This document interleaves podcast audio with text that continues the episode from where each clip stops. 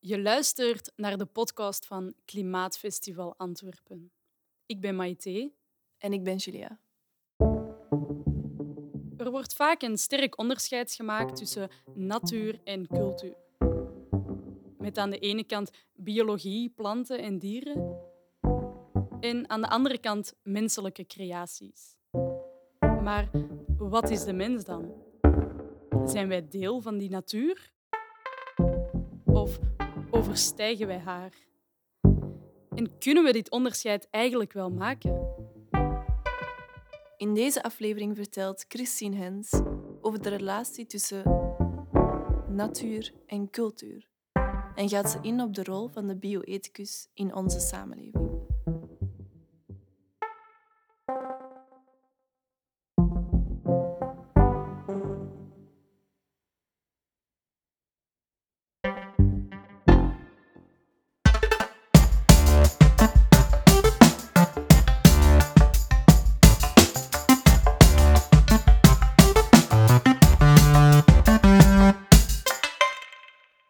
Allemaal. Ik ben Christine Hens, docent mediaethiek en bioethiek aan de Universiteit van Antwerpen. Ik ben ook de PI van een project getiteld Neuroepigenetics, waar mijn fantastische postdocs en doctoraatstudenten nadenken over hoe dynamische concepten van biologie ons iets kunnen leren over de ethiek van ontwikkelingsstoornissen, zoals autisme, ADHD en Tourette. Dat is een heel mond vol en ook een beetje een ingewikkeld verhaal. En jullie stellen jullie misschien de vraag, hoe past het in een klimaatfestival? En waarom hou ik mij daar eigenlijk mee bezig en hoe ben ik daar geraakt? Nu, ik denk dat als we nadenken over onze verantwoordelijkheid ten opzichte van het klimaat, maar ook ten opzichte van het milieu, vind ik het als ethicus ook belangrijk om na te denken over wat is dat nu eigenlijk biologie? Wat is leven? Wat is natuur? En wat is de positie van de mens daarin? Heel veel filosofen maken het onderscheid tussen hoe de zaken zijn, de ontologie, en hoe de zaken zouden moeten zijn, waar we dan als ethici over nadenken. Meer en meer denk ik echter dat die zaken samen te denken zijn, zonder dat we daarom moeten vervallen in een plat naturalisme waar we gewoon de wetenschap gaan vragen hoe het zit en wat we moeten doen. We zien nu al dat we daarmee in de problemen geraken. Denk bijvoorbeeld aan de discussie over het openhouden van kerncentrales om de klimaatopwarming te bestrijden. Zowel voor als tegenstanders beroepen zich daar op de wetenschap. Maar wat net belangrijk is, denk ik, dat we moeten afstappen van die idee van zekerheid en als ethici net gebaseerd op een visie van hoe de werkelijkheid in elkaar zit, meer aan de slag moeten gaan met onzekerheid, onvoorspelbaarheid. Het idee dat we kunnen falen. Ook het idee van, dat vind ik zelf een heel spannende idee om in de toekomst mee aan de slag te gaan, het idee van de toevallige ontmoeting die we uit de biologie kunnen halen. Ik denk dat dus op een bepaalde manier hoe de dingen zijn ons wel iets kunnen leren over onze plek en over onze keuzes over die plek en over de toekomst. Karen Barat bijvoorbeeld, dat is een feministische filosoof die ook natuurkundige is en die uh, ideeën uit de kwantumfysica gebruikt om dat idee van een onto-ethico-epistemologie te positioneren. Ze stelt wat we kunnen kennen, hoe de dingen zijn en hoe we ons moeten verhouden daartoe, hoe, wat we moeten doen. Die zaken zijn verstrengeld. Ik vind dat een verhelderend idee en ik wil daar graag verder mee aan de slag, maar ben daartoe gekomen via een andere weg. Ik ben dus bioethicus en ik heb mij als bioethicus vooral met vragen rond genetica bezig gehouden de afgelopen tiental jaren. En daar is uiteindelijk ook mijn doctoraat over gegaan. Dat heb ik afgelegd in 2010. En dat doctoraat ging over ethische aspecten van het gebruik van lichaamsmateriaal. En dan specifiek DNA van kinderen. En als bioethicus hou je je dan bezig met vragen zoals die genen, wat kan ik daarin lezen? In het geval van kinderen, wat mogen we weten van onze kinderen? Wat kunnen we voorspellen? Dat was toen ook de tijd van een Human Genome Project, waar men er nog een beetje van uitging dat we van alle ziektes kunnen gaan voorspellen. En ik denk dat dit soort ideeën over genetica en menselijke natuur zeker nog in de populaire cultuur heel erg aanwezig zijn. En ook wel in de medische wetenschap. En ook zeker in de bioethiek. Het idee van menselijke natuur, van onze genen, speelt trouwens in heel veel verschillende posities mee die soms tegenstrijdige conclusies hebben. Denk bijvoorbeeld aan sommige interpretaties van deep ecology. Deep ecology is het idee dat wij als mens niet losstaan van de natuur. Wij zijn niet speciaal en de natuur is niet iets dat wij zomaar mogen gebruiken naar ons goeddunken. Nee, wij zijn een onderdeel van de natuur. Bepaalde auteurs in die traditie stellen bijvoorbeeld dat wij genetisch gezien de Pleistocene mens zijn, de mens uit het stenen tijdperk. En dat we nu in een soort van verdorven relatie met de natuur leven. De natuur die we geïnstrumentaliseerd hebben. En we moeten terug naar die verbondenheid en naar leven zoals we dat vroeger deden. En ik heb heel veel sympathie voor die positie. Maar ik denk dat ze ergens ook wel op een foutief mensbeeld gestoeld is. Maar dat idee van die genetische natuur speelt ook mee in heel andere posities die net het tegenovergestelde beweren. Als er zoiets is als een menselijke natuur of een natuur van bepaalde organismen, dan kunnen we die ook gewoon gaan verbeteren.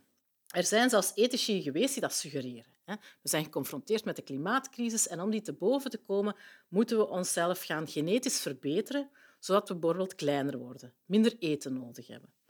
Of we moeten onszelf genetisch verbeteren, zodat we beter tegen de hitte kunnen. Of bepaald voedsel kunnen gaan verteren dat dan weer wel kan groeien in een klimaat dat veel warmer gaat zijn. Dat is misschien een soort van extreem ecomodernisme. We gaan niet alleen technologische uitvindingen gebruiken om de klimaatcrisis tegen te gaan, maar we gaan ook onszelf technologisch aanpakken. Ik begrijp zowel de positie van de e- Deep Ecology, die zegt van de mens is nu een beetje gedegenereerd, is een gedegenereerd wezen, en anderzijds het idee van we moeten de mens altijd maar door technologie meer en meer gaan verbeteren. Maar ik denk dat ze over het hoofd zien dat die menselijke natuur, die vaste biologie, waar we dan oftewel kunnen naar leven of die we dan kunnen veranderen, dat dat eigenlijk een foutief wereldbeeld is. Na mijn doctoraat ben ik van alles gaan lezen over epigenetica. Ook een aantal ideeën uit developmental systems theorie, dynamische systemen enzovoort. enzovoort. En dat heeft mij toen doen inzien dat die genen op zich veel minder het ultieme book of life zijn. En die epigenetica, waar ik met mijn team over nadenk, dat zijn eigenlijk de mechanismen die beslissen welke genen uitgevoerd gaan worden op basis van input van de directe omgeving, maar ook van de fysieke en, en zelfs de psychosociale omgeving waar we ons in bevinden. Dus die epigenetica is een soort van mechanisme dat onze biologie op moleculair niveau linkt met wat we tegenkomen, met onze ervaringen die we hebben als mens, maar ook alle andere organismes natuurlijk. En dat leidt mij dan tot een mensbeeld en een ontologie van vervlochtenheid met de omgeving met de omgeving, maar ook met onze geschiedenis. Biologie en geschiedenis zijn geen twee aparte dingen, maar zijn samen. Wie wij nu zijn, wie, wat de wereld nu is, wat de andere organismen nu zijn, dat is zo gebeurd in samenspel met omgeving, met context, met, met situaties die we tegenkomen. En dat is tegelijkertijd ook geen determinisme, want epigenetica wordt ook soms heel deterministisch geïnterpreteerd van oké, we zijn dan niet onze genen, maar we zijn dan wel onze omgeving. Ik denk dat dat ook een foutinterpretatie is. We zijn nu eenmaal vervlochten, onze geschiedenis en dat van onze omgeving ontvouwt zich verder en verder. We zijn niet meer de Pleistocene mens en we hebben ook geen uiteindelijke essentie die we kunnen, die we kunnen aanpassen naar iets beters. Maar, en dat geloof ik ook, daarnaast kunnen we ook wel keuzes maken en nadenken over waarheen we die geschiedenis willen gaan sturen. Hè? Wat we willen van die geschiedenis. Een aantal recente filosofen zouden bijvoorbeeld ook zeggen dat het niet enkel de mensen zijn die keuzes maken, maar ook andere organismen en zelfs niet-organische dingen. Daar ga ik hier nu even niet verder op in. Maar iedereen ontvouwt dan mee in die voortgaande geschiedenis van de wereld. En dat is dan de ethiek. En nadenken over de keuzes die we wel kunnen maken en beseffen dat die keuzes altijd gebeuren van binnenuit, van een specifieke situatie in een specifieke context. En dat we door die keuzes ook de geschiedenis beïnvloeden. En omgekeerd, de geschiedenis beïnvloedt ons ook. En die epigenetica, dat systeem denken van enerzijds de hedendaagse biologen en ook van feministische denkers zoals Donna Haraway en Karen Barat, dat duidt op die dynamieken, op die vervlochtenheid met de werkelijkheid. We staan niet op onze piedestal na te denken over hoe gaan we dat hier nu eens allemaal managen, maar, en ik denk dat we dat niet goed beseffen, wij maken de omgeving, maar de omgeving maakt ook ons. Er is de uitdrukking de maakbare mens, het gaat over het feit dat wij een hoop technologieën hebben uitgevonden waar we de mens mee kunnen verbeteren. En als bioethicus ben ik dan verondersteld om daarover na te denken. Maar ik denk dat dat beeld van die maakbare mens dat dat maar ten dele waar is. We zijn ook de gemaakte mens. We kunnen heel veel, technisch gezien, maar die techniek maakt ons ook en we staan daar niet afzonderlijk van. Denk maar aan de gedachte van Donna Haraway. En die heb ik het eerst ontmoet nog voor mijn academische carrière. Ik schreef toen een scriptie over ethiek en honden. Mensen denken, hoe kun je daar nu u mee bezighouden? Maar ik vind, die honden zijn een prachtig voorbeeld van hoe de werkelijkheid extreem rommelig is. En dat rommelige staan we wel aan. Sommige mensen zeggen, honden zijn een soort mislukte wolven, gedegenereerd. Net zoals we kunnen denken dat wij als moderne mens met al onze technische snufjes en onze schermpjes enzovoort, enzovoort een soort van gedegenereerde originele oermensen zijn. Anderzijds kunnen we honden ook beschouwen als het ultieme voorbeeld hoe, van de dominantie van de mens. Hoe we kunnen de wereld omvormen naar iets bruikbaars, naar iets waar we plezier aan beleven en dat dan ook nog in bepaalde omstandigheden nuttig is.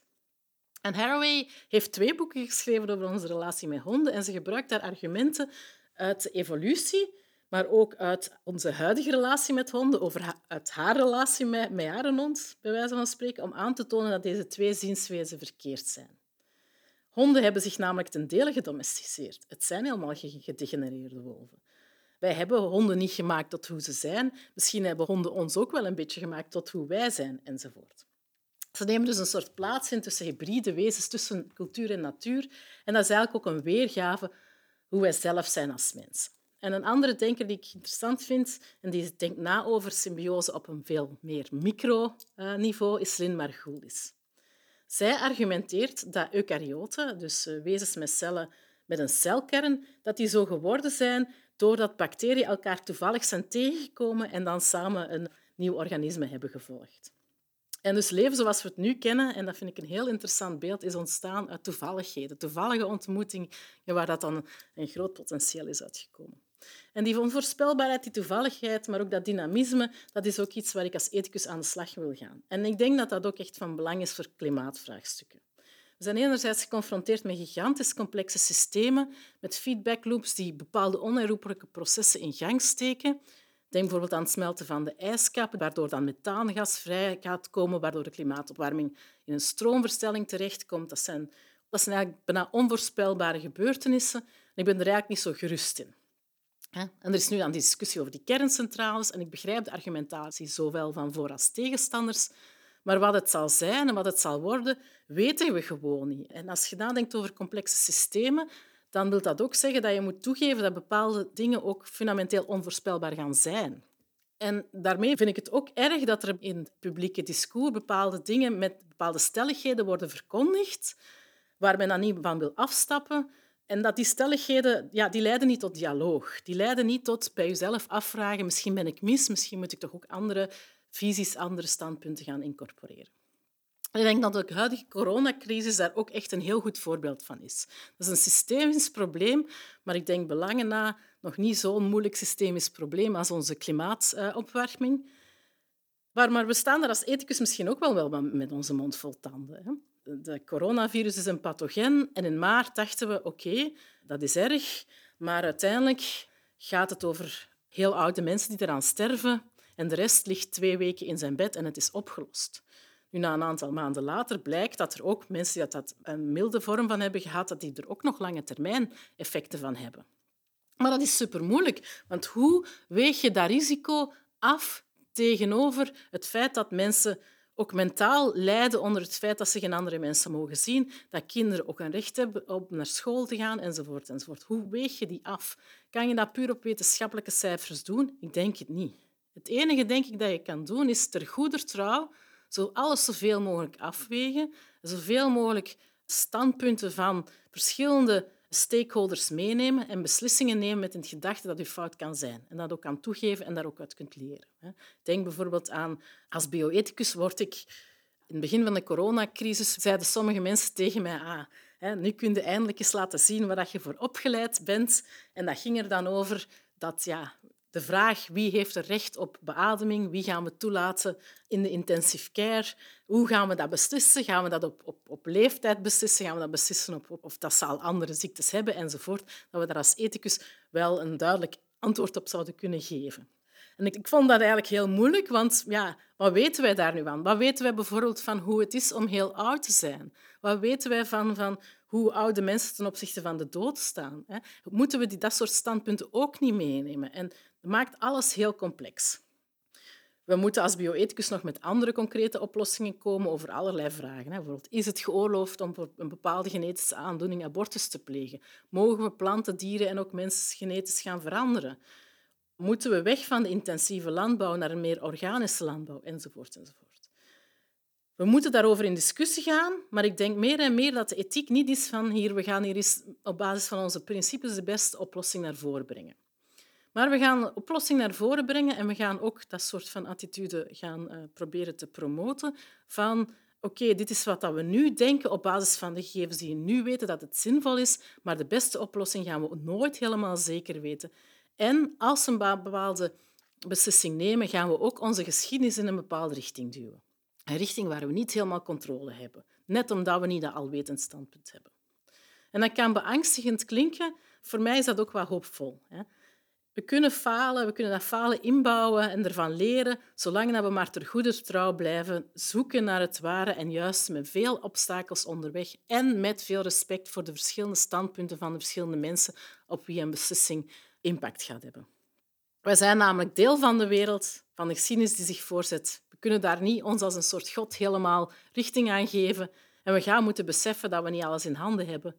Maar we kunnen maar proberen en we moeten ook, denk ik, dat is onze plicht om niet defetist te worden. Ik denk dat dat soort van ontologie van wereldbeeld dat, dat onder mijn ethisch denken zit. En dat is een beetje rommelig, maar ik vind dat voor mezelf veel werkzamer dan denken in dichotomieën, in absolute oplossingen, in de beste oplossing enzovoort. enzovoort. We moeten onzekerheid omarmen, compromissen sluiten, onszelf constant in vraag stellen. Ik denk dat het geldt zowel voor de individuele ethicus, maar ook het beleid dat eigenlijk ook fundamenteel ethische vragen probeert te stellen en op te lossen en dat dat ons een toekomst gaat kunnen geven, eerder dan proberen af te komen met, met zekerheden. Uh, zoals Donna Haraway het zei in haar laatste boek, moeten we dus... Ja, het laatste boek heet Staying with the Trouble. Dat wil zeggen van, kijk, we zijn geconfronteerd met grote problemen, met grote onzekerheden, maar we moeten niet proberen die weg te argumenteren, maar we moeten daarbij blijven. We moeten er actief mee aan de slag gaan.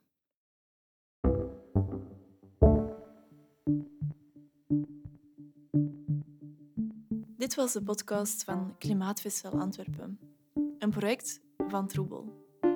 Bedankt om te luisteren. Wil je graag op de hoogte blijven van de andere activiteiten van Troebel? Schrijf je dan in op onze nieuwsbrief. Dat kan via www.troebel.be. Deze podcast is opgenomen in muziekstudio De Kiem. Productie, muziek en opname door Kaat Schild. Beeld door Design Studio Catapult. Dank aan 1111 en de burgerbegroting van het district Antwerpen om deze podcast mee mogelijk te maken.